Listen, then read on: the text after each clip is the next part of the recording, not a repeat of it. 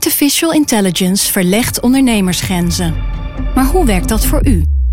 Als transformatiepartner helpt Capgemini u kansen te ontdekken en benutten, zodat we uw ideeën tot leven brengen. Vorm uw eigen mogelijkheden met generative AI.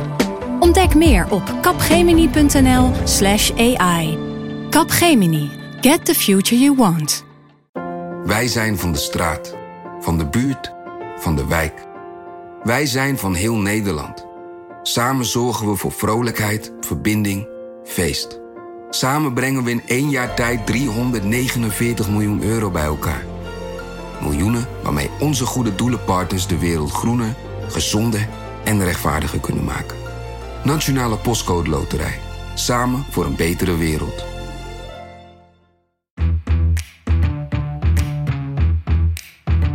Dit is Haagse Zaken van NRC. Mijn naam is Lemia Aouar. We gaan het hebben over drugs. Afgelopen week waren de algemene financiële beschouwingen. Daar kwamen al uh, paddo's en uh, kabinetsleden die al dan niet onder invloed de rijksfinanciën zouden moeten beheren voorbij. Als die jonge vader die vaak sport en gezond eet. En wiens grootste zonde, normaal gesproken, een speciaal biertje is. Maar dan wel als die jonge vader die zich ook één of twee keer per jaar een paddo-trip permitteert. En tijdens de algemene politieke beschouwingen twee weken geleden ging het ook al over drugs. Ik ben echt de totale loser binnen, binnen onze partij en zeker ook binnen onze vrouw. Ik word echt uitgelachen. Ik heb echt helemaal geen ervaring met drugs. Echt nul. Uh, en je ziet ze daar al schampen kijken. Ja. maar daarvoor zeker heb ook geen ervaring met drugs en dat maakt me binnen mijn fractie een held. en verder moeten we denk ik straks even een drugs, drugstest uitvoeren in dat vak daar. Of iedereen een beetje helemaal clean is en zo. Ik zie ook bij D66 nu mensen die heel erg schrikken. Oké. Ja. Ik zou zeggen, alles vanaf de VVD-fractie, dat, uh, dat nemen we helemaal mee. Zelf ben ik de sukkel op de NRC-redactie in Den Haag. Pim van den Dol, Mark Lieve Adriaanse. Sukkels of... Uh... Uh, ik, veel verder dan een joint ben ik nooit gekomen. Nou, ik kan zeggen dat ik bepaald geen sukkel ben, daar wil ik het graag bij laten. Oké, Pim, dat respecteer ik. Oké, um, in deze aflevering van de Haagse Zaken hoor je een paar dingen. We gaan het hebben over het drugsbeleid en de geschiedenis daarvan. We gaan het over de strijd hebben van het kabinet tegen drugscriminaliteit en ondermijning. En we gaan het hebben over hoe volksgezondheid voor het kabinet steeds een rol speelt in dat beleid. Om wel of niet te legaliseren bijvoorbeeld. Maar eerst even, Mark, is het goed om te schetsen. Waarom speelt dit nu politiek? Waarom staat zo hoog op de agenda? Nou, het, het, het, staat wel langer op de agenda, maar het is heel actueel geworden na de moord op de advocaat Dirk Wiersum, um, bijna drie weken geleden. Hij was de advocaat van uh, B. in een heel groot proces dat eigenlijk gaat om uh, cocaïnemafia. En um, door die moord hebben we allemaal kunnen zien hoe niets uh, ontzienend die maffia is. En ook ja, hoe uh, nijpend het probleem is als het gaat om uh, drugscriminaliteit in Nederland. Dus daardoor staat het nu heel hoog op de politieke agenda. Uh, je ziet dan ook meteen na zo'n moord, minister van Justitie en Veiligheid Grapperhaus, die kondigde aan, er komt een drugseenheid. Ja, dat is eigenlijk een idee van CDA-Kamerlid Chris van Dam. Die had het een week eerder tijdens een debat over drugs uh, eigenlijk al een beetje uh, voorgesteld, zonder dat het heel specifiek werd. Nou, Grapperhaus uh, heeft dat na die moord omarmd komt mij over als we moeten even snel iets doen, dus we gaan dit maar omarmen. Ook omdat heel vaag is nog wat er precies moet gebeuren. Uh, op het ministerie zijn ze nu heel erg aan het nadenken van oké, een drugseenheid, maar hoe dan? En wat dan? Um, dus er komt wellicht iets dat lijkt op een drugseenheid, maar de vraag is in welke vorm. Ja, want hij, hij zat uh, dat weekend erna bij Buitenhof, bij ons collega uh, Hugo uh, Lochtenberg. Die vroeg hem daarna, wat moet die brigade dan gaan doen? En zijn antwoord was, nou ja, niet heel concreet van Grapperhaus. De, het idee, ik, ik vatte het eerder deze week samen, oprollen van die bendes, afpakken mm -hmm. en voorkomen. Ja. En dat zijn de drie belangrijkste pijlers. Nou, het idee om dat in zo'n uh, duidelijk separaat onderdeel met samenwerking van diensten is te zetten. We moeten die uh, specialistische kennis uh, ook echt landelijk bij elkaar zetten. Ja, en zo gaat dat eventjes door. Het gaat heel erg over wat hij wil doen en niet zo, zo goed over hoe hij dat Het wil klinkt doen. heel stoer. Er is niemand in Nederland die niet wil dat deze bendes niet worden opgerold. Die niet wil dat er geen geld wordt afgepakt van deze mensen. Maar de vraag is heel erg inderdaad hoe dan. Ehm, je zou kunnen zeggen, oké, dus doen de diensten dat nu niet? Ehm, nou, dat is niet zo. Er wordt op regionaal, niveau echt al heel erg intensief samengewerkt tussen al die uh, opsporingsdiensten. Dat heet het RIEK, Regionale Informatie- en Expertisecentrum. Um, daar zullen we straks misschien nog wat meer over gaan praten, omdat zij heel belangrijk zijn bij de strijd tegen ondermijnende criminaliteit. Hè. Daar gaat het over. Dus als je dan een soort landelijke eenheid wil, dan wordt de vraag, ja, op welke manier dan? En wie moet dit gaan doen? Nou, uh, dat lijkt erop dat dat politieagenten moeten gaan worden. Um, maar die politieagenten die vallen niet ineens uit de hemel om dit werk te gaan doen. Die zijn er misschien ook helemaal niet om dit werk te gaan doen. Um, er zijn bij de politie heel veel mensen die heel gespecialiseerd zijn in uh, ondermijnende criminaliteit, maar die hebben ook andere taken. Um, Wat voor taken? Nou, kijk, de, de politie krijgt er, heeft er de afgelopen jaren heel veel taken bij gekregen. Dat wordt in de politiek besloten. Wij willen dat de politie zich hier uh, tegen gaat. Uh, verwarde personen verwarde tot eenzame personen, ouderen. Eenzame tot, ouderen, ja. uh, jeugdaanpak in de wijken, voetbal, evenementen. Komt allemaal bij de politie terecht. En dat komt nog bovenop hun normale werk. Dus het idee dat ze 80% van de tijd in de wijk moeten zijn. Ze moeten nooddiensten draaien. Um, het komt allemaal bij politie terecht. En die zeggen eigenlijk, wij kunnen dit niet aan. We hebben veel meer extra mensen nodig om dit werk echt te gaan doen. Laat staan om echt een, een specialistische drugseenheid te gaan ja. oprichten. Want als je die mensen nu weg zou halen, als je al die kennis die de politie nu heeft in een aparte eenheid zou zetten, dan vallen er enorme gaten in roosters die ze nu eigenlijk al niet kunnen vullen. Niet gek ook dat de reactie van de korpschef van de nationale politie, Erik Akerboom, uh, afgelopen week dan ook eerst in de Volkskrant redelijk cynisch was. Hè? Die zei: Ik vind het best een goed idee, uh, maar uh, we hebben het al. Het heet de landelijke recherche. En later op Radio 1 zei hij ook nog eens: Ja, luister, het ligt vooral aan het zigzagbeleid van het kabinet. Kijk, we moeten voorkomen dat er een nieuwe generatie opgroeit. die ook weer in die ondermijning terechtkomt. En uh, het is zaak, degene die, die daarop letten, het zijn natuurlijk ouders en jeugd en noem maar op, maar ook politie en OM, dat die niet voortdurend geconfronteerd worden met wisselende financieringen, op en af, dan weer bezuinigen, dan weer uitbreiden. En dat is niet te doen voor organisaties die, uh, die de rechtsstaat dienen. En die ook zorgen dat dit soort problemen niet kunnen ontstaan. Nee, dus op zich wel een terecht punt. Want tijdens eerdere kabinetten de afgelopen jaren is er bezuinigd op politie en OM. Er moesten ook politieagenten weg. Nou, inmiddels uh, de komende jaren moet de politie minstens 17.000 agenten gaan vervangen vanwege pensionering. Dus dat is niet eens extra? Dat zijn dat gewoon mensen van het extra, huidige Dat zijn mensen om op peil te blijven, moeten er zoveel mensen bij komen. Het vorig, of afgelopen zomer heb ik met een collega uh, Akerboom geïnterviewd. En hij zei, eigenlijk hebben we rond de 20.000 mensen nodig om echt te kunnen ademen. Ja, die mensen die, die, die, die moet je opleiden, dat kost tijd. En het punt dat, dat hij maakt over zigzagbeleid is ook begrijpelijk. Want een aantal jaar geleden, zo rond op, uh, Ivo Opstelten, 2010, 2011, verschoof, moest de aandacht van de, politie verschuiven naar de aanpak van high impact crimes. Dat zijn dan bijvoorbeeld straatroven, overvallen, um, diefstal, inbraak. Dus criminaliteit die mensen heel direct raakt. Die ook heel erg het veiligheidsgevoel van mensen aantast. En die in zekere zin ook makkelijker te bestrijden is dan uh, hele ingewikkelde drugscriminaliteit. Nou, de politie moest daar heel erg op inzetten. heeft ook gewerkt overigens. Die, die high impact crimes zijn ook enorm afgenomen. Maar de consequentie is wel geweest dat ze die capaciteit ja, eigenlijk niet konden gebruiken om de langzaam opklimmende drugscriminaliteit um, uh, te signaleren um, als landelijk probleem te zien in plaats van als incidenten. En om het vervolgens aan te pakken. En nu sta je ineens oog in oog met de consequenties daarvan. Ja, het, het, het, collega's Jan Meijers en Freek Schraven-Zander schreef vorige week zaterdag in de krant... Uh, alsof je het uh, gras even niet gemaaid hebt en er ineens een heel gazon is. Nou, dat is ook een beetje hoe dit is. En dan zegt Grapperhaus nu, nu gaan we ingrijpen. Wij gaan die onderwereld uh, aanpakken. Wat is er eigenlijk aan ondermijningswetgeving? Ik bedoel, bestaat er al wel iets? Ja, de, in, bij het, regeerakkoord in 2017 is er aangekondigd dat er een ondermijningswet zou komen. Nou, dat lijkt een één grote wet. Dat is het niet. Het, zijn eigenlijk, het is een pakket van allerlei vrij technische uh, wetswijzigingen. Het gaat bijvoorbeeld uh, om gegevensdeling tussen allerlei opsporingsdiensten makkelijker te maken. Je hebt te maken met privacy, waardoor de ene organisatie niet mag kijken in de gegevens van de andere organisatie.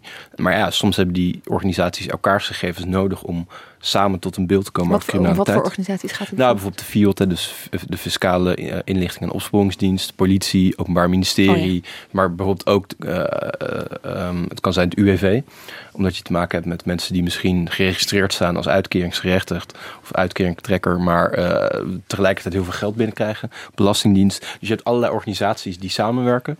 Um, nou, daar is een wetsvoorstel voor. Er is een, een wetsvoorstel dat al is aangenomen in de Eerste Kamer dat uh, burgemeesters meer mogelijkheden geeft om panden te sluiten als daar drugs gevonden wordt. Maar ook als daar wapens gevonden wordt. Dat is een, een nieuwe, um, een nieuwe bevoegdheid van burgemeesters. Zo zie je dat het, het zijn eigenlijk wetswijzigingen die heel erg op bestuurlijk niveau zitten. En die bestuurders en opsporingsdiensten meer mogelijkheden moeten geven om um, die ondermijnende criminaliteit aan te pakken. Grappenhuis komt nu ook met een fonds hè, van 100 miljoen euro. Waarbij je je af kan vragen, um, er is pas een, een rapport verschenen van uh, twee deskundigen, Troms en Tops, hè, over de uh, economische omvang van die uh, drugseconomie. Het gaat om miljarden. 19 miljard is een zeer grove schatting. Maar laten we zeggen, het is 10 miljard, weet je wel, laten we het -hmm. halveren. Wat betekent 100 miljoen dan eigenlijk? Ja, niet heel veel. Dat, dat geeft Grapperhaus ook uh, de laatste tijd toe. Hij zegt ook dat het eigenlijk, het is een eenmalig fonds. Hij zegt het zou misschien structureel moeten worden. Daar gaat hij ook naar kijken. Nou, die 100 miljoen is ook het integreerakkoord aangekondigd. En die is dit jaar eigenlijk verdeeld over allerlei regionale projecten. Ik ben bij een aantal van dat soort projecten geweest. Dan heb je het bijvoorbeeld over een project op Schiphol. Waarbij Marechaussee samenwerkt met het Openbaar Ministerie om uh, vliegtuigen die in de hangar staan uh, helemaal door te lichten. Om te, omdat dat een, een, manier is waarop bijvoorbeeld ook regelmatig cocaïne uh, gesmokkeld wordt in vliegtuigen. En die hebben er dan geen moeite mee dat een vliegtuig even een maandje ergens anders staat als het uiteindelijk maar ergens aankomt. Dus het werkt? Nou, dat, dat geld is nu verdeeld. Maar dat is om de komende jaren dit soort projecten op te starten. De vraag is, als je structureel wil maken, of je dan niet inderdaad structureel minstens 100 miljoen nodig hebt. Uh, Zo'n drugseenheid gaat heel veel geld kosten. Grapperhaus geeft het ook allemaal toe, dat er eigenlijk veel meer geld nodig is. Nou, dat zal geen 20 miljard zijn. Um, maar het is wel aannemelijk dat er de komende jaren wat meer geld naartoe gaat. Laten we eens even hebben over drugsbeleid, Pim geen uitputtende geschiedenisles, maar laten we even door de hoofdlijnen heen gaan. Uh, het begint in uh, 1919. Ja, toen uh, kwam de eerste opiumwet tot stand. dus de, de, de, wet waarin nou ja, regels rond drugs zijn, zijn, vastgelegd. maar eigenlijk pas vanaf de jaren 50 en 60 werd drugs echt een issue door de opkomst van, van softdrugs. die begin jaren 50 overigens nog verboden werden. Het was in die tijd ook nog redelijk nieuw, hè, de jaren 50. Het werd een beetje gezien als iets exotisch. Ik zat een documentaire terug te kijken van andere tijden, waar het een beetje, ja, ja Noord-Afrikanen die dat, uh, weet je, marktkooplui die dat dan rookten. En er, was, er werd niet echt tegen opgetreden. Um, wat daar wel symbolisch voor is, is uh, je hebt de beelden van de Amsterdamse hoofdinspecteur die dan samen met de uh, narcotica brigade een soort persconferentie uh, houdt. Een soort drugseenheid dus. Een soort drugseenheid, ja, heel scherp, Mark. dan hebben we het over 1964 en dan nemen ze ook echt een jointje mee voor de pers om te laten zien waar het nou eigenlijk om gaat. Hoe ziet zo'n marihuana-sigaret eruit? Ik heb er een voor u medegebracht. U ziet, ik kan hem misschien het beste zo vasthouden. Er zit een inhoud in van ongeveer 2 tiende gram. En het minste wat hier omheen zit zijn al twee vloeitjes. En dat is omdat het een hele fijne stof is die anders hieruit zou lopen. En wie zijn de gebruikers? Komt voor onder artiesten. Het komt voor onder jongeren. Uh, het zijn dus, dus, dus vaak middelbaar uh, of gedeeltelijk middelbaar gevormde lieden. Hoeveel aanhoudingen zijn er geweest in 1963? Ik heb het getal niet precies in mijn hoofd zitten, maar ik schat dit liggende tussen de 30 en de 40. Ja. En dat is, gezien het een feit dat het dus een sluikhandel is, toch uh, bevredigend. Het bewijst dat zo'n uh, drugseenheid werkt, Mark. Ja, inderdaad. Uh, het klinkt heel daadkrachtig dit. in die tijd wordt er dus ook echt opgetreden. Hè? Want in diezelfde aflevering van Andere Tijden zie je ook um, agenten die vertellen dan over uh, hele operaties die ze inzetten. Hele weekenden zijn ze daarmee bezig om dan 25 kilo hash te onderscheppen. Um, mensen die gepakt worden met 12 jointjes en die dan uh, één maand per jointje in de gevangenis uh, moeten gaan zitten. En dan komt er ineens een omslagpunt, Pim, en dat heeft te maken met een festival. Ja, de jaren 60 was natuurlijk hè, de, de opkomst van de, de popfestivals en nou, dus ook van softdrugsgebruik. Dus het werd gewoon steeds wijdverbreider. Um, maar de politie had ook te maken met, uh, eigenlijk na de softdrugs, met te maken met de opkomst van, van harddrugs. Dus ze gingen ook denken, oké, wat, moet onze, wat moeten onze prioriteiten ook worden in de opsporing en de aanpak? Uh, en toen besloten ze bij een uh, festival in Rotterdam in 1970 uh, om een keer niet te gaan ingrijpen en mensen te gaan, te gaan beboeten, maar eigenlijk alleen maar te observeren. En uh, we horen nu uit dezelfde oude, andere tijddocumentaire ook een uh, agent die even voorleest uh, wat toen hun bevindingen waren. Uit dat rapport van 1970. En dat gaat dus als volgt. Dat het hier hashish en marihuana betrof, was onder andere op te maken uit het feit dat men een zeer speciale manier van klaarmaken had, bijna ritueel. Men behandelde de stuf alsof het diamant was. Geen kruimeltje mocht verloren gaan. De benodigdheden kwamen vaak uit een speciaal buideltje. De sigaretten worden aan het einde dichtgedraaid en gingen dikwijls de kring rond. Vooral s'avonds kreeg men de indruk in een nomadenstam verzeild geraakt te zijn. Waar rond het kampvuur en als zodanig herkenbare hashispijp met kostbare stuf rondging. Ja, dat is mooi. hè? Ja, dat, dat is, is mooi, hè? Er zijn er natuurlijk hele beroemde foto's en beelden van, van dat al die hippies in hun slaapzakken in het Kralingse bos lagen bij dat, bij dat festival. Dus, eh, maar goed, dat was dus ehm, eh, het moment dat eigenlijk eh, nou ja, er best wel romantisch beeld ervan bestond. Hè, en dat softdrugs toch eh, langzaam, dat er gedacht werd van ja, is dit nu zo gevaarlijk, zo schadelijk, moeten we dit wel op dezelfde manier blijven aanpakken. Overigens werd er in de Tweede Kamer, dat, dat, dat, dat was ik van de week ook nog ook wel aardig, nog wel in eerste instantie bij een Kamerdebat met, Schande hierover gesproken, door bijvoorbeeld de SGP natuurlijk, logisch, maar die, Mhm. dat, dat de politie toch niet had opgetreden, dat het ongelooflijk Ja. Ja. schandalig was. Ehm, Maar tot die tijd toch, eh, ja. was er, dus jij zegt hè, er was, eh, er was ineens, waren er ook harddrugs, eh koken, heroïne. De politie maakte zich daar zorgen over, maar in de wet was er nog geen onderscheid tussen die Nee, twee. nee, precies, precies. Er was nog geen onderscheid tussen soft en harddrugs. Dus ja, alle drugs werden in principe op dezelfde manier eh, behandeld. Dus zou je kunnen zeggen als harddrugs gezien. Maar naar aanleiding dus van, van, van wat we net zagen, de opkomst van die festivals en de, toch een beetje de veranderende houding ten- tegenover softdrugs. Eh, eh, stelde het kabinet begin jaren 70 een, een, een werkgroep in die eigenlijk moest onderzoeken van, nou ja, moeten we toch een onderscheid gaan maken? En, Dat gingen ze allemaal uitproberen. Allemaal aan de pillen en de bl- dat, blowen. en eh, dat- ik weet niet of de commissie Baan Oh. alle soorten drugs zelf tot zich heeft genomen. Dat heb ik niet, dat weet ik niet. Maar die adviseerde in ieder geval aan het kabinet van premier Van Achten destijds... ehm, om dus de, in de opiumwet een wijziging tussen soft en harddrugs aan te brengen. En eh, nou, de christelijke premier eh, Van Acht eh, heeft dat ook eh, overgenomen. Pragmatisch als hij was, Ja. zei hij, heeft hij een keer in onze krant ook gezegd. En sindsdien eh, heb je dus lijst 1 en 2 eh, van de opiumwet. En eh, op lijst 2 staan eigenlijk alleen de, de softdrugs, dus hash en wiet. En eh, op lijst 1 staan alle, ja, alle drugs die we tegenwoordig kennen als harddrugs. En die lijst is eh, nou, in de afgelopen decennia is fors, fors gegroeid. Maar zie je dan begin jaren 70 ehm, de kiemen ontstaan van wat we nu het gedoogbeleid noemen?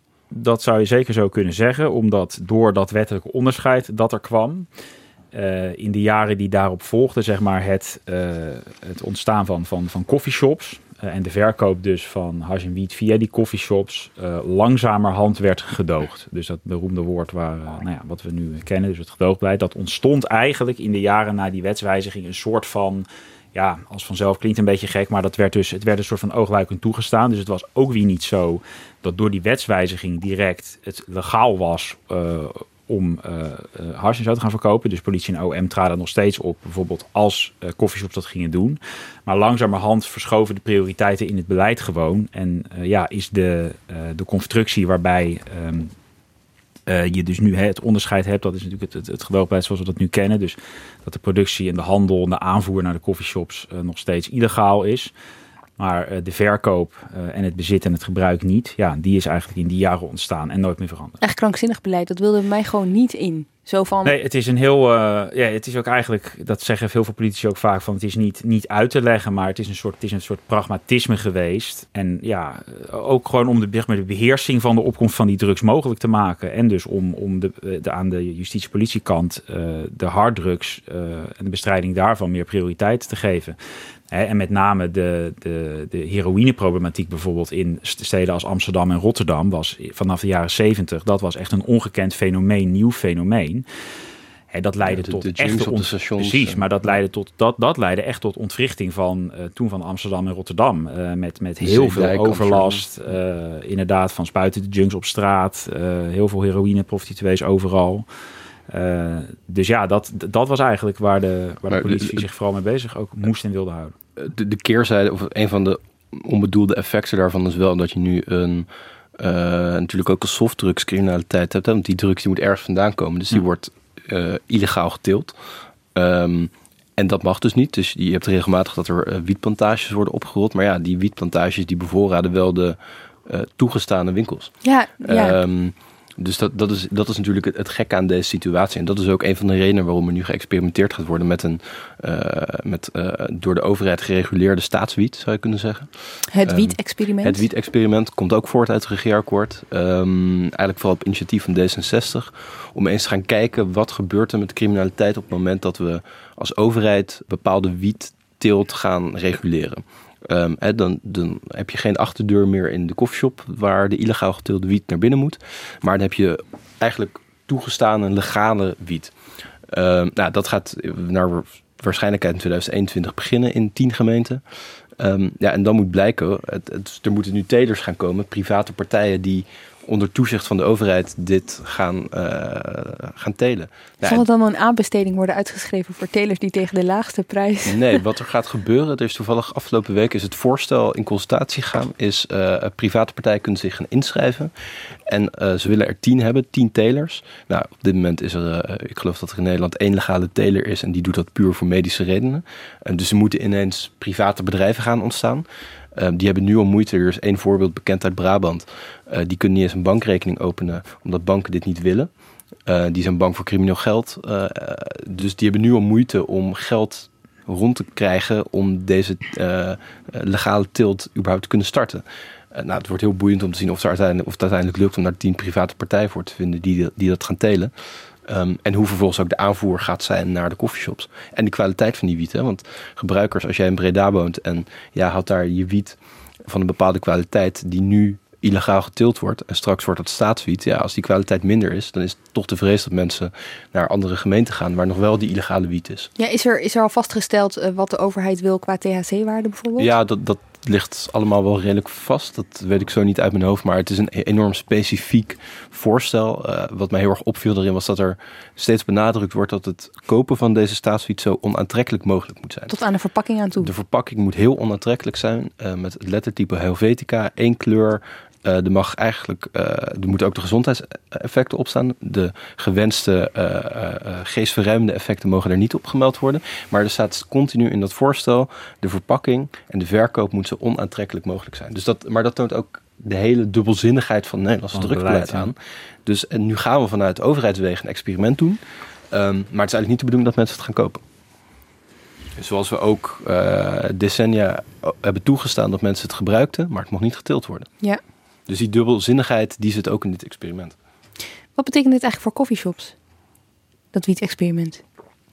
Um, het betekent voor de coffeeshops in de tien deelnemende gemeenten dat zij mee moeten doen.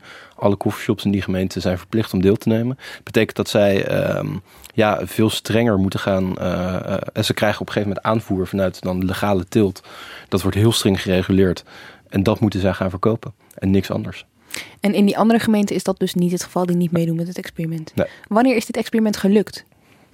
Ja, um, dat weet eigenlijk, eigenlijk niemand. Um, kijk, het, het, duurt in principe voor vier jaar. En is de hoop dat de criminaliteit afneemt. Um, en dat de kwaliteit ook dusdanig is dat gebruikers dit gaan kopen. Hm. Maar ja, de, er is, het is heel moeilijk om vast te stellen. Nu is het geslaagd. Nu gaan we het legaliseren ja. bijvoorbeeld. Ja. Dat, ja. Het is een experiment zonder hypothese. Moet ik het zo zien? Een, een beetje wel, ja. ja. Dit is ook een, tegelijkertijd een discussie die echt al heel, heel lang loopt. Hè? In ieder geval de ongemakkelijkheid, de politieke ongemakkelijkheid ook over die achterdeur. Dus hè, wat we net beschreven, je mag het wel verkopen, maar je moet maar niet vertellen hoe je eraan komt als, uh, als coffeeshop. Het heeft ooit uh, geleid tot een uh, rap battle tussen een Maastrichtse burgemeester Gert Leers. Burgemeester van Maastricht. Minder kilo's aan de hash, moeilijk als mijn dure plicht. 8000 kilo koopt men hier per jaar. Maar meer dan een miljoen toeristen komen voor die waar. Illegale kwekers hebben wij niet in de hand. Verbieden helpt niet, er is geen wet tegen bestand. Is dit nou de inspiratie geweest over Leeuw Klein en drank en drugs? Of? Uh, nou, het was in ieder geval uh, zeer inspirerend voor Piet Hein Donner, uh, toen nog minister van Justitie, want die kon het niet laten. Hier spreekt Donner van Justitie. Ik doe het samen met politie. Schuif die dood maar aan de kant, want dan had ik Nederland.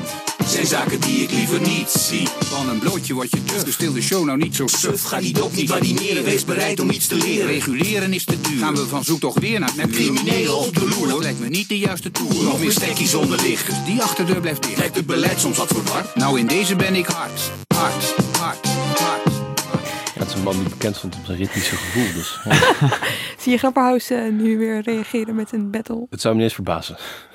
Uh, maar goed, uh, tegen de zin in van minister Donner van Justitie gaat het nu dus eigenlijk wel gewoon gebeuren. Het is een wiet-experiment zonder hypothese, stellen we net vast. Eh, tegelijkertijd heb je dus die opiumlijst 1 en 2 waar jij het net over had, Pim. En wat ik daar nog wel over wil weten is, hoe statisch zijn die lijsten? Wordt er wel eens bepaald om bijvoorbeeld eh, bepaalde dingen van lijst 1 toch op lijst 2 te zetten? Of... Ja, ja, die lijsten zijn niet, eh, niet statisch. Er is een speciaal, eh, speciale organisatie, het Coördinatiepunt Assessment en Monitoring Nieuwe Drugs, zo heet dat. Dat is Mhm. dus een instituut dat voor de overheid drugs beoordeelt. En ook als er nieuwe drugs op de markt komen, eh, kijkt, eh, nou, op welke lijst hoort het bijvoorbeeld thuis. Weet jij hoe dat gebeurt, dat beoordelen? Ehm, nou, maar kijk, beoordelen in de zin niet zozeer dus eh, zelf testen, maar meer op basis van wat weten we ervan? Wat weten we van de gezondheidsschade? Wat weten we van het aantal incidenten? Dus bepalen... Theoretisch onderzoek. ja, Ja. waar zo'n druk eh, thuis hoort. En eh, dat, dat gebeurt ook allemaal omdat je ook bij harddrugs, maar daar komen we straks misschien wel uitgebreider over te spreken, maar natuurlijk eh, het aspect van de volksgezondheid voor de overheid belangrijk is. Dus het is, eh, ze vinden het belangrijk om mensen te kunnen waarschuwen voor gevaarlijke soorten drugs bijvoorbeeld. Hè, om, er is sowieso een ontmoedigingsbeleid. Dus daar, daar, daarom doet de overheid dit. En het is ook de politiek die daar uiteindelijk dan weer besluiten over moet nemen op advies van, de, van die organisatie. En een goed voorbeeld daarvan is GHB. Dat is een eh, vloeibare druk die eh, van onder andere gootsteenontstopper eh, is gemaakt. Ehm, en nou, dat begon, ehm, net als heel veel drugs, was het gewoon legaal. Dat, dat zijn mensen gaan maken. Je kunt het ook vrij makkelijk zelf maken, schijnt. Schijnt. Het, staat ook bekend. het staat ook wel bekend als de, de rape-druk of de verkrachtingsdruk. Dat dat in, in, in drankjes van vrouwen wordt gedaan soms. Daar zijn wel eens incidenten mee geweest. Maar goed, het was dus eerst gewoon eh, legaal. Het was ook in de jaren negentig kwam het op een gegeven moment in, in smart shops terecht. Dat zijn ook gewoon eh, wi- winkels die sommige soorten legale drugs, maar ook eh, ingrediënten voor drugs mogen verkopen. Daar werd het verboden toen er voor het eerst mensen oud waren gegaan op een keer op Koninginnedag in Rotterdam. Dat was dan halverwege de jaren negentig. Eh, maar toen was het, nou, het was nog steeds legaal, maar door de toename van het incidenten kwam het dan in 2002 op de lijst van, van, van softdrugs terecht. Toen werd het daar recht opgezet. Eh, en uiteindelijk, ehm, omdat eh, ja, eigenlijk het aantal incidenten maar bleef toenemen en er ook een groeiend aantal verslaafden werd gemeld, eh, want het is ook best heel verslavend, eh, besloot minister Schippers het in 2011 dus weer op de lijst van harddrugs te plaatsen. Dus eh, nou ja, zo kan dat, eh, ja, Oh, zo kan het dat gaan begon schuiven. echt als zeg maar, van- softdrug, van- Ja, het begon als, het werd eerst als softdrugs gezien. Ja. Hoe zit het eigenlijk met eh, lachgas? Want dat is natuurlijk redelijk nieuw. De- Daar wordt hier politiek Ja. ook over gesproken. Kijken ze er naar om dat e- op een van die lijsten te zetten? Eh, ja, daar wordt nu ook onderzoek naar gedaan. Eh, naar of dat dan onder de drugs geschaard moet worden. Dus hoe schadelijk dat precies is. Eh, dat onderzoek loopt nu. En het is inderdaad de afgelopen jaren het gebruik onder jongeren en ook festivalgangers is, eh, is heel snel toegenomen. Er zijn nu al partijen in de Tweede Kamer, eh, de christelijke partijen bijvoorbeeld, ChristenUnie en CDA, die hebben aangegeven dat ze eh, lachgas eigenlijk helemaal willen verbieden. Ook omdat het heel veel overlast geeft voor gemeenten. Ja, en dit is natuurlijk iets wat niet alleen maar op dancefeest wordt gebruikt. Want je ziet ze gewoon buiten op straat eh, die patroontjes liggen. Ja, dit doen ook eh, scholieren geloof ik eh, in de klas tegenwoordig. Maar een, een, een druk als ecstasy bijvoorbeeld. Hè?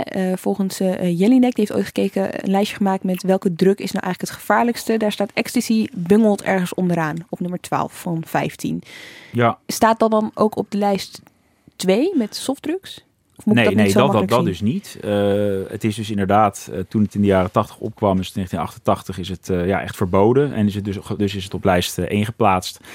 Alleen, dat is wel in die tijd, hè, kwam het wel echt op met de, de housefeesten in Nederland. Of de Gabber, de Gabber House.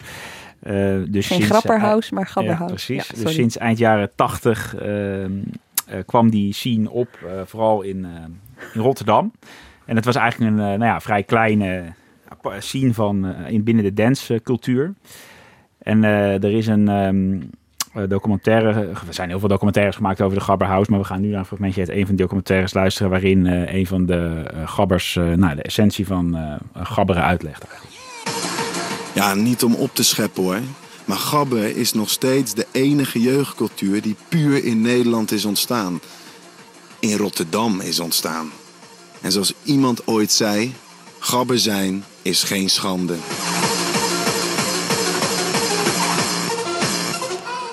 Ja, wat deed je? Rondjes lopen, mensen kijken, ouwe hoergesprekken, pilletje droppen, hakken de hele nacht. Hakken,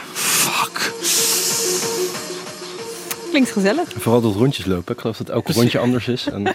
Dat eh, schijnt het dan te worden, ja. Nee, maar deze, de opkomst van deze scene plaatste dus ook de politiek weer voor nieuwe vragen. Hè? Want eh, het, eh, dit nam, het gebruik nam, nam toe, of het kwam echt op. Eh, in 1995 bijvoorbeeld eh, stelde het ministerie van Volksgezondheid nog een soort speciale eh, richtlijn op. Die heette Stadhuis en House. Eh, voor gemeenten over hoe om te gaan met dit eh, opkomende fenomeen van uh, houseparties. En eh, nou, ja, daar stonden dan ook allemaal eh, eh, aanwijzingen in dat die feesten, er moest toch wel echt gelet op worden dat er genoeg drinkwaterpunten waren, dat de klimaatbeheersing op orde was, dat niet iedereen daar oververhit raakte. Ehm, Maar dit vind ik zo symbolisch Ja. voor dit beleid. Hè? Dus aan de ene kant is het verboden, aan de andere kant faciliteer je dus wel, nou ja, op festivals bijvoorbeeld extra waterpunten, zodat je niet uitdroogt, weet je wel? Dus Nee, maar kijk, natuurlijk, de, eh, dat, de- aan de ene kant is het ook wel logisch, omdat de overheid is natuurlijk wil drugsgebruik ontmoedigen, wil de criminaliteit eromheen aanpakken. Maar heeft natuurlijk ook te maken met het feit dat er, eh, als er massaal drugs wordt gebruikt, dat ze hebben ook te maken met eh, verantwoordelijk voor de openbare orde, voor de, het welzijn en volksgezondheid van mensen, eh, ook op evenementen. Dus ehm, de overheid gaat ook gewoon uit van, van een situatie dat er drugsgebruik is en, en probeert daar dus ook eh, ja, preventieve maatregelen eh, op te nemen. Maar daar is ook wel eh, discussie over gebleven hoor. Want bijvoorbeeld hoe ver dat dan mag gaan. Want wat we net noemden, dat zijn natuurlijk ja, dingen die je ook op een feest zonder drugs Mhm. kunt hebben. Of kunt, hebben, zoals wat drinkwaterpunten. Ehm, maar bijvoorbeeld in eind jaren 90 ontstond ook de mogelijkheid om op festivals je ecstasy-pillen te laten testen. En dat is in 2002 bijvoorbeeld weer door het eerste kabinet Balkenende teruggedraaid. Omdat uh, die daar toen van zeiden, ja dat is een soort... Dan ga je het echt als overheid een soort legitimeren. Mm. Um, dus nou ja, zo is er altijd discussie gebleven inderdaad over ja, hoe ver de overheid daarin mag gaan. hoe is dat nu eigenlijk? Want je kan ze nog steeds Nee, laten dat kan testen. dus, uh, je kan het op festivals is het dus in 2002 wettelijk weer verboden. Dus daar mogen geen, uh, dus bezoekers mogen op het feest niet, uh, niet laten testen. Uh, er zijn wel nog steeds testpunten in Nederland. Dus je kunt nog wel op een aantal plekken je drugs uh, laten testen als je dat wil. Maar dat is dan niet door de overheid geregeld? Ja, wel. Dat is gewoon door de GGD geregeld. Ja, ja zeker. Maar, en dat gaat dus ook echt uit van ja, een preventief beleid. Uh, waarbij gewoon er, ja, er is gebruik. Het gebruik dat er dan is, proberen we ook zo veilig mogelijk te laten zijn. Ja. Nog een ander voorbeeld is een paar jaar geleden dat uh, voor het Amsterdam Dance Event, toen waren er opeens ook levensgevaarlijke ecstasy-pillen in omloop. Nou, dan gaat er dus echt een landelijke waarschuwing uit vanuit uh, een van die organisaties die, die dat monitort. Van kijk uit, uh, deze pil met dit logo, deze kleur, uh, is vergiftigd. En uh, als je deze neemt kun je echt overlijden. Dat is, dat is zo groot kan het risico zijn bij foute, foute ecstasy. Mark? Nou, kijk, het, het gekke is dat het aan de ene kant is dat natuurlijk heel begrijpelijk, omdat je niet wil dat als het er is, wil je niet dat mensen eraan overlijden. Tegelijkertijd draagt het denk ik ook wel bij aan de normalisering van, uh, van dit soort drugs. Dat het, uh, oké, het is er, nou dan gaan we het maar goed regelen. En dan, uh, ja, ach, je gebruikt het, maar kan het ook wel laten testen bij een overheidsorganisatie notabene.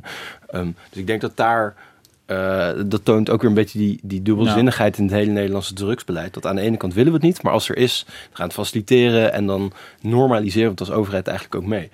Um, ja, de grap is dat er zelf soms een soort van bureaucratisch iets bij komt, ja. terwijl het verboden is. Coffeeshops zijn daar wel een goed voorbeeld van. In 91 kwamen er ineens allemaal regels bij coffeeshops. Dus we hm. hebben het er even niet over hoe die drugs überhaupt in nee, die ja. coffeeshops terechtkomen. Maar vervolgens mogen die coffeeshops, uh, is een van de regels dat ze geen reclame mogen maken bijvoorbeeld. Weet je wel? Dus... En door het rookverbod mag er in coffeeshops geen tabak gerookt worden. Dus je mag in coffeeshops wel een joint roken, hmm. maar er mag geen tabak in die joint zitten. Want, dat, want het tabak mag tegenwoordig niet meer in de horeca gerookt worden. Ja. Nou, dat is ook een uh, bijzondere situatie. Hoe kan dit? Vraag ik even tussendoor. Je kan je je toch voorstellen dat op een gegeven moment gewoon... Je moet toch een keuze maken? Of we legaliseren het. Nou, omdat of die keuze nooit het. echt gemaakt is. Ik denk dat, dat jarenlang, het, het is steeds, je weet nooit wat er gaat komen. Hè? Dus je weet nooit wat de volgende drug wordt, hoe populair die wordt, hoe grootschalig het gebruik ervan wordt. Dus ik denk dat het vaak ook te maken heeft gehad met, oké, okay, we hebben nu uh, begin jaren 60 hebben wiet. Nou ja, goed, het, het, het, is niet heel groot, schalig het gebruik. Dus we temmen het een beetje en we faciliteren het een beetje en dan houden we het koest. En dan, dan, ineens komt er ecstasy, dan ineens komt de cocaïne. En daardoor zijn steeds ook de normen verschoven. Um, en daar heeft de overheid een belangrijke rol in gehad. Hè? De overheid, het is nu te laat om bijvoorbeeld te zeggen, we verbieden het totaal, want het gebruik is er. Tegelijkertijd ja, kan je daardoor ook weer niet zeggen, oké, okay, we gaan het enorm faciliteren. Want daarmee faciliteer je ook vervolgens de hele criminele industrie erachter. Dus het is steeds, Eh, stapje voor stapje zijn de normen verschoven, is het iets normaler geworden. Ja, vooral dat normaler geworden. Want eh, goed, die gabber eh, van net, weet je wel, die vertelt over eh, een, een pilletje erin gooien. Eh, tegenwoordig zijn het niet alleen maar meer gabbers. Nee, het was destijds echt eh, eh, een niche-markt eigenlijk. En tegenwoordig zie je op, op veel meer festivals dan alleen bij, eh, bij hardcore of bij, bij gabberhouse... dat, dat daar eh, drugs gebruikt worden. Het is in die zin veel normaler geworden. Ik geloof dat... eh, dus er is ook onderzoek naar gedaan door Jelinek van wie gebruikt een ecstasy in Nederland. Nou, van de bevolking boven de 18 plus eh, heeft bijna eh 1 miljoen mensen ooit ecstasy gebruikt. Nou, 1 Nederland heeft niet 1 miljoen gabbers. Eh, dus Ja, 8, 8 heb ik inderdaad hier Ja. staan. Dus dat is wel ongeveer, eh, ja. Zo. Maar ooit, hè. Dus dat is, ja. Maar goed, dat, dat is best veel. Ja, en 1 op de 4 jongeren tussen 20 en 24 jaar bijvoorbeeld. En dat, dat heeft inderdaad alles te maken met ook de opkomst van die, eh van die, die, die dancefestivals de laatste 10, 15 jaar. Dat dat zeg maar in aantal enorm is toegenomen. En dat het dus het, het, het gebruik van die partydrugs ja, op al die, bij al die soorten muziek eigenlijk eh, gangbaar of normaler is geworden. En is het vooral, de, ja, dit is niet helemaal mijn wereld dit hoor, maar is het vooral dancefestivals of is het ook gewoon ehm, uitgaan op zaterdagavond? Weet je wel, is dat normaliseren, zie je dat ook gewoon, ja, Het dan. gebeurt ook in clubs Absoluut. eh, volop. En, eh, Zeker. ja. Er is, eh, datzelfde Jelinek-onderzoek heeft in 2017 gevraagd eh, clubbezoekers in Amsterdam. En daarvan zei de helft dat ze de afgelopen maand ecstasy gebruikt hadden. Ehm, en dan moet je je voorstellen dat, dat die cijfers die kunnen ook nog hoger liggen. En tegelijkertijd, als je het hebt bijvoorbeeld over cocaïne, bij voetbalwedstrijden gebeurt dat. Het gebeurt bij mensen tijdens hun werk, rondom hun werk. Ehm, dus ook dat heeft zeg maar de normale samenleving bereikt. In plaats van dat het in een niche is gebleven van gabbers of eh, een, een bepaalde groep gebruikers, is dat veel normaler geworden in de samenleving. Als we het hebben over dat normaliseren, hè, wat daarin meespeelt is, kijk, eh, drugs, eh, als we weer even teruggaan naar die twee lijsten van de opiumwet, alles op lijst 1 is gewoon verboden. Eh, ja, dat is dus officieel verboden. En Ja. strafbaar ook. Ja, ja, Ja, klopt. ja. Maar Ehm, stel jij loopt buiten met een ecstasy-pilletje, staat Ja. dus op lijst 1. Ja. En je wordt gepakt. Ja, Wat dan, gebeurt er dan? eh, nou, dan krijg je geen, eh, in principe in Nederland geen boete. De, de, de politie geeft namelijk geen eh, prioriteit aan het bestraffen van mensen die met een gebruikershoeveelheid op zak lopen. Eh, en Wat is dan- een gebruikershoeveelheid? Eh, bij ecstasy is dat bijvoorbeeld één pil. Eh, bij ehm, cocaïne of speed is dat een halve gram. Eh, nou ja, dus dat zijn, ja, dat, dat, dat zijn nog bepaalde kleine hoeveelheden die, die zijn vastgesteld. Eh, pas als je dus eh, met veel meer op zak loopt, wat natuurlijk ook regelmatig voorkomt als dealers bijvoorbeeld op festivals of in de buurt van festivals, als je dan gepakt wordt, ja, dan, dan geldt als drugshandel. En dan, kan je, dan krijg je forse, wel forse boetes.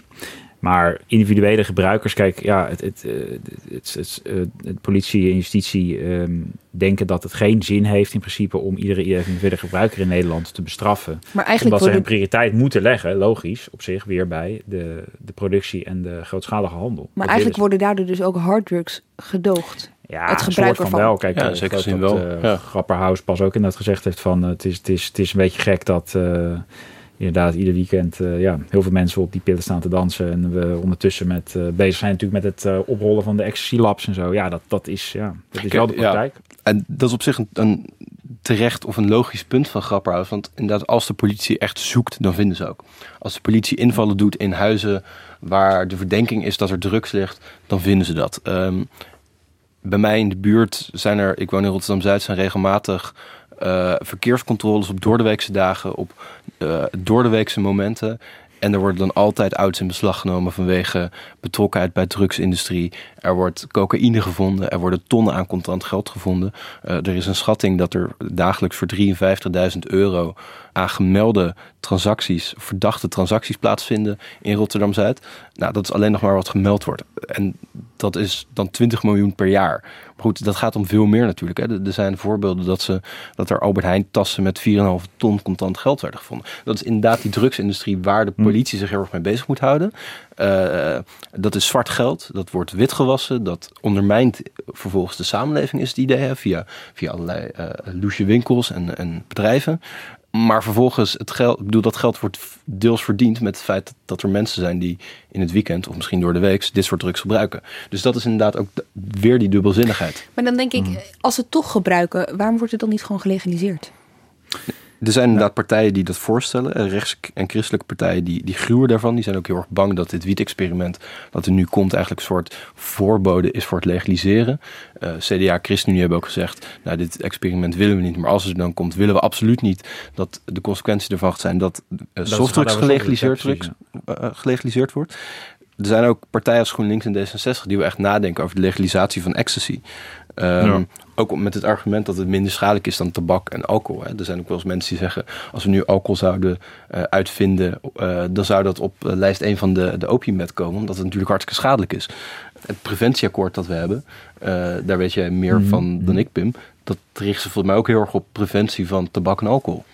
Zeker, dat, dat is, dit kabinet zet daar enorm op in. Hè. Maatregelen om, eh, nou ja, roken wordt, wordt steeds meer maatregelen tegengenomen. eh, ook tegen eh, problematisch alcoholgebruik. En worden drugs daar ook in Maar, genoemd? In eh, dat nee, niet echt. Maar dat heeft niet. eh, de, nee, het preventieakkoord. eh, dat is ook een beetje om, denk ik, omdat. Kijk, het preventieakkoord gaat uit van afspraken voor een deel ook bijvoorbeeld met de industrie. Hè, dus het gaat om alcohol en overgewicht die die, die producten maakt. Ja, je kunt met, eh, moeilijk met de kookdealers eh, om tafel gaan eh, als overheid om afspraken te maken, snap je? Dus het, het, het drugspreventiebeleid gaat, moet, moet van iets anders uitgaan. Bijvoorbeeld, kijk, van, de- bijvoorbeeld van verpakkingen van staatswiet... die zo onaantrekkelijk mogelijk ja, zijn. ja, ja. Maar er zijn inderdaad, Mark noemde al D60 en GroenLinks, ehm, die denken wel, die, die vinden hè, van, die concluderen denk ik misschien ook wat terecht van, joh, dat hele repressieve beleid alleen daarop inzetten, dat, dat heeft eh, tot nu toe ook niet eh, eh, gewerkt.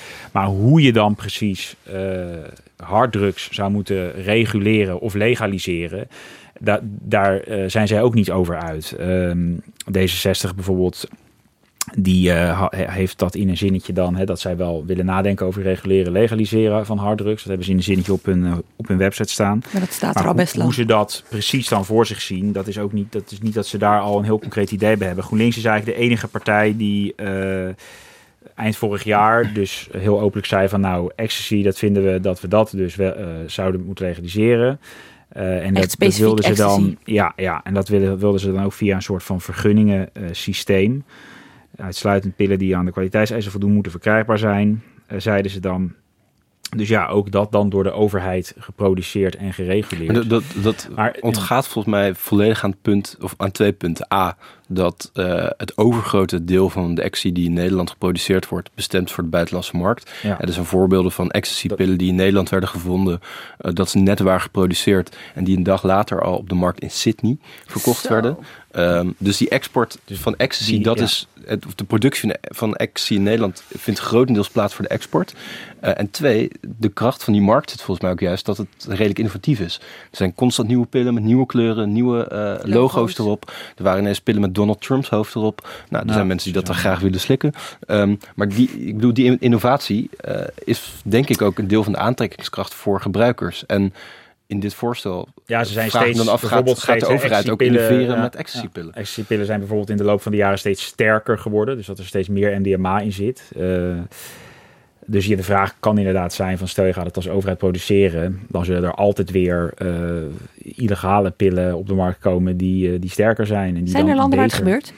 Nee, nee, nee. De ecstasy is echt eh, overal op de wereld illegaal. En, en kijk, wat dat betreft zou Nederland dan ook, ja, hoewel alleen GroenLinks hier dus een concreet idee en plan voor heeft en er weinig politieke steun eh, voor is nog, weer opnieuw voorop lopen.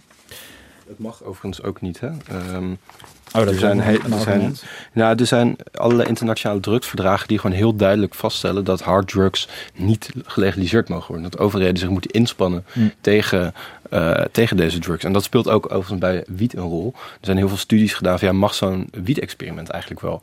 Ehm, en een Hm. inzicht dat de laatste jaren in ieder geval op het gebied van, van cannabis is ontstaan, is dat je een afweging maakt tussen die drugsverdragen en mensenrechtenverdragen.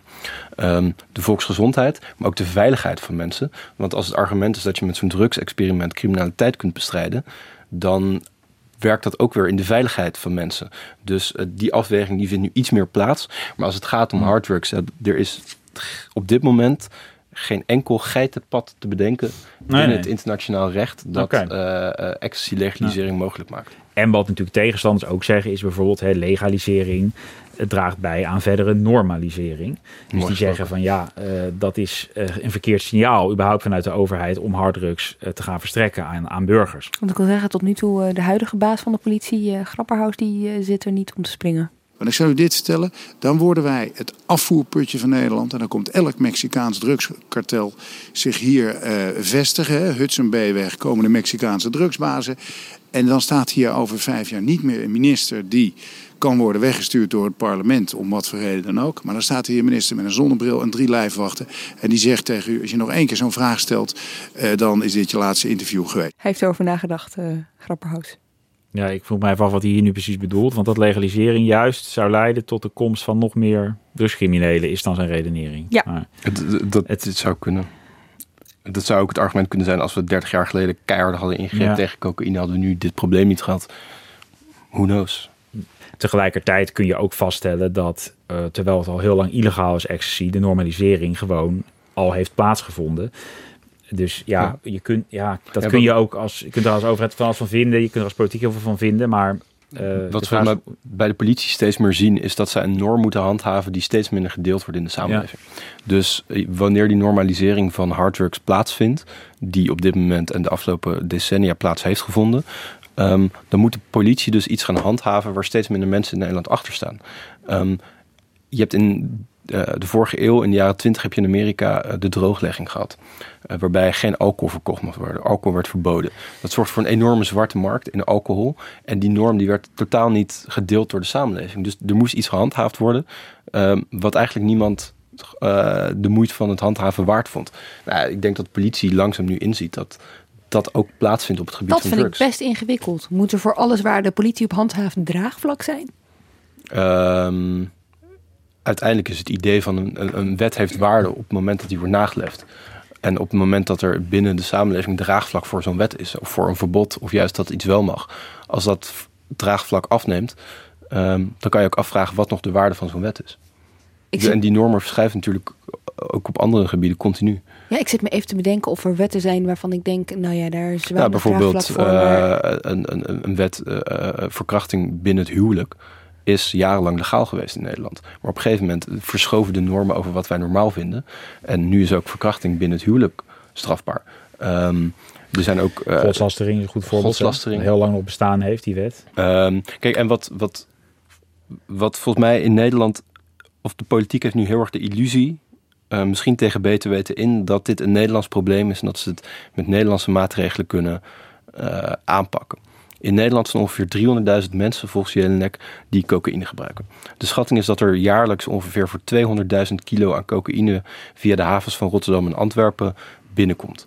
Ehm, als dat allemaal voor de Nederlandse markt bestemd zou zijn, dan zouden die gebruikers een halve kilo kook per jaar wegsnuiven, ongeveer voor 25.000 euro. Dat is niet zo. Dat is grotendeels voor de export. Een van de belangrijke redenen waarom dit nu in Nederland speelt, heeft te maken met onze logistieke structuur. We hebben een, een hele goede haven. We hebben een eh, hele makkelijke logistiek naar de rest van de wereld. Fiscale logistiek. Fiscale logistiek. Nederland is heel aantrekkelijk om eh, als doorvoerland voor cocaïne. Ehm, de vraag is, stel, hoe ga je de haven aanpakken? Ga je alle containers, alle miljoenen containers die daar jaarlijks binnenkomen controleren? Dat kan niet. Dan valt het land stil. Ehm, dan valt de economie totaal stil. Ehm, maar wanneer je in Nederland eh, eh, gebruikers aanspreekt, hè, dus die, die paar honderdduizend mensen, dat is allemaal begrijpelijk. Maar het heeft de illusie dat het probleem dat we nu in Nederland zien met die co cocaïne-maffia een Nederlands probleem is. Dat is het voor een deel, vanwege de logistiek en de fiscale omstandigheden, daar is iets aan te doen. Maar het is ook een, glo- een globaal probleem. Dus het, het, het Ja, alleen dat- in dat- Nederland met dat- een oplossing komen. Dat klopt wel, dat klopt wel. Maar nog steeds kun je als gebruiker je er wel van bewust zijn dat al op het moment dat jij zo'n druk gebruikt, omdat jij ehm, een leuk weekend wil, dat dat wel degelijk Absoluut. ook consequenties heeft die in Nederland geraakt worden. Kijk Ja. naar Amsterdam-West. afgehakte hoofden, vermoorde eh, advocaten. Ik Ja. bedoel, op de een of andere manier. Maar, maar kijk ook naar Hou je de, de andere kant van de, van de oceaan. Hè? Wat, wat er in, eh, ik bedoel, als we het in Nederland hebben over de consequenties van de drugscriminaliteit. Kijk naar Mexico.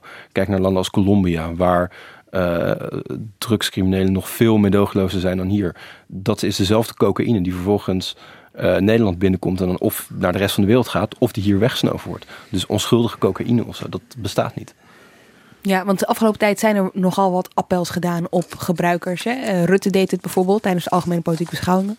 Want die vraag begint wel met de individuele jongere van 18, 19 jaar die naar een dancefeest gaat en een pilletje neemt.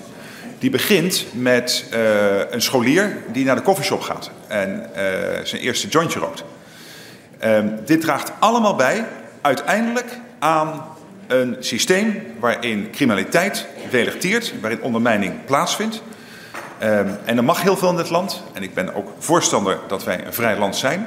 Maar die individuele verantwoordelijkheid geldt ons dan ook allemaal. Dit is allemaal heel terecht en heel logisch. Um, maar tegelijkertijd, het gaat ook om de gebruikers in de rest van de wereld. Want die houden evengoed in stand het feit dat Nederland uh, gebruikt moet worden als doorvoerland voor deze cocaïnecriminelen. Um, want er is een enorme vraag wereldwijd naar dit soort drugs. Um, en daarom is Nederland met al haar infrastructuur aantrekkelijk daarvoor. Maar het is en-en, toch? Het is en-en, zeker. Of, of. Ja, ja. Ik bedoel, maar goed, je kunt de vraag naar drugs kun je waarschijnlijk nooit wegnemen, want die, heeft, die bestaat al zo lang. Dus dat is natuurlijk een beetje het moeilijke aan, aan, aan, aan die discussie. Uh, maar of de optie van legalisering dan zeg maar effectief is. Daar, kijk, uh, uh, rechtse partijen die zeggen bijvoorbeeld, hè, nee, legalisering, nee ja, joh, maar 80% gaat naar het buitenland. Die gebruiken dat als argument van dat gaat niks oplossen. Linkse partijen zeggen eigenlijk, die gebruiken het uh, argument ongeveer precies andersom. Die zeggen ja, maar als we dan in ieder geval hè, een deel van de criminaliteit daarmee kunnen aanpakken, dan is dat uh, winst. Snap je? Dus ja, dat, uh, het, het, is gewoon heel moeilijk om, om, om vast te stellen wat het meest effectieve beleid is. En dat is, nou ja, daar gaat eigenlijk al tientallen jaren nu een, een, discussie over. Heb je nou het idee dat, er, dat deze discussie, dat deze vraag überhaupt door gebruikers, dat er nou, over nagedacht ik, wordt? Ik denk dat er heel veel uh, ook jongere gebruikers zijn die hier eerlijk gezegd helemaal niet goed bij stilstaan. Die zich uh, die helemaal niet zo goed het nieuws volgen. Of die ja, de mensen zijn niet achterlijk. Maar uh, dat je zo misschien direct ook bijdraagt aan die zware drugscriminaliteit. Dat zal niet iedereen, zeker niet alle jongeren, zullen dat, dat, zullen dat zo voelen of zich daar heel erg van, van bewust zijn. Maar het zijn niet alleen jongeren. Het, zijn, het is ook nee, de Zuidas. Ik bedoel... Ja, nee, klopt. klopt. Maar, ik, individuele ja. gebruikers die zullen denken, ach, dat halve grammetje. Wat maakt het uit op zo'n wereldwijde schaal? Nou, kijk, het, het, dat is natuurlijk hetzelfde als vliegschaamte of vleesschaamte of allerlei andere vormen van gedrag waarvan we ons steeds meer bewust worden dat het een schadelijk effect heeft elders. Individueel maakt het weinig uit als je daar uh, mee stopt, maar collectief uh, zit daar natuurlijk wel. Het is een collectief actieprobleem en dat is ook zo. Dat is met drugs, dat is met vliegen, dat is met vleesproductie, uh, vleesgebruik. Um, individuele gebruikers zijn daar amper mee bezig, ook omdat individueel of één individu dat stopt op zo'n wereldwijde schaal weinig verschil maakt een heel land dat zou stoppen, doet dat heeft effect. Hoe kun je hier nou tegen opboksen als politiek? Uh, want... Ik zou een red maken. als, ik, als ik jullie zo hoor, denk ik, ja, ik denk ook een beetje, heeft het überhaupt zin om nu nog in te grijpen? Om nu nog met beleid te komen, terwijl die hele drugsbusiness al zo je kan het ook niet doen, alleen dan is de consequentie misschien dat er meer advocaten volgen, ja. dat er officieren van justitie volgen, dat er journalisten, rechters zich nog veel meer zorgen moeten gaan maken over de, de medogeloosheid van dit soort drugscriminelen. Dus het is denk ik volkomen logisch dat politiek hier zo heftig op reageert, zeker na die moord. Het gaat juist ook om die politieke discussie in de zin van, uh, ik, snap, ik snap dat je wil optreden tegen ondermijning en uh, natuurlijk moet je opkomen voor de rechtsstaat, maar ondertussen moet er niet gewoon een keuze gemaakt worden, wel of niet legaliseren en niet zo'n dubbelzinnig beleid dat er nu dus eigenlijk is?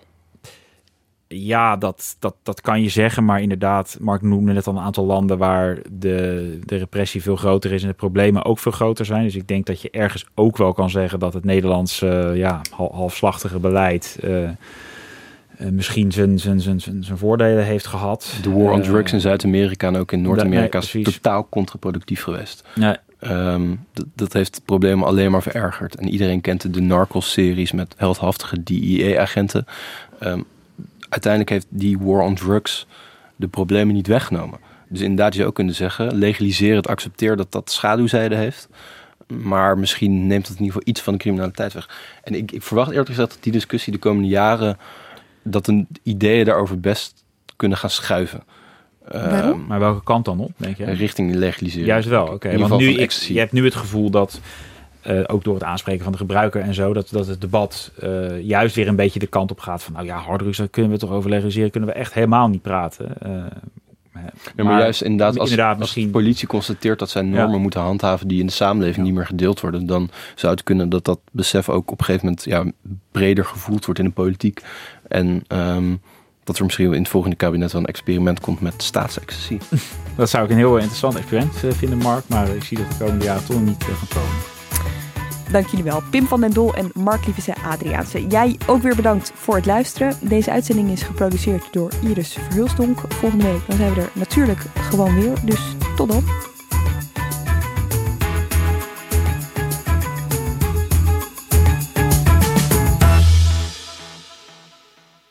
Je hebt aardig wat vermogen opgebouwd. En daar zit je dan, met je ton op de bank. Wel een beetje saai, hè? Wil jij, als belegger, onderdeel zijn van het verleden of van de toekomst? Bridgefund is een slimme fintech die een brug slaat tussen de financiële behoeften van ondernemers en van beleggers.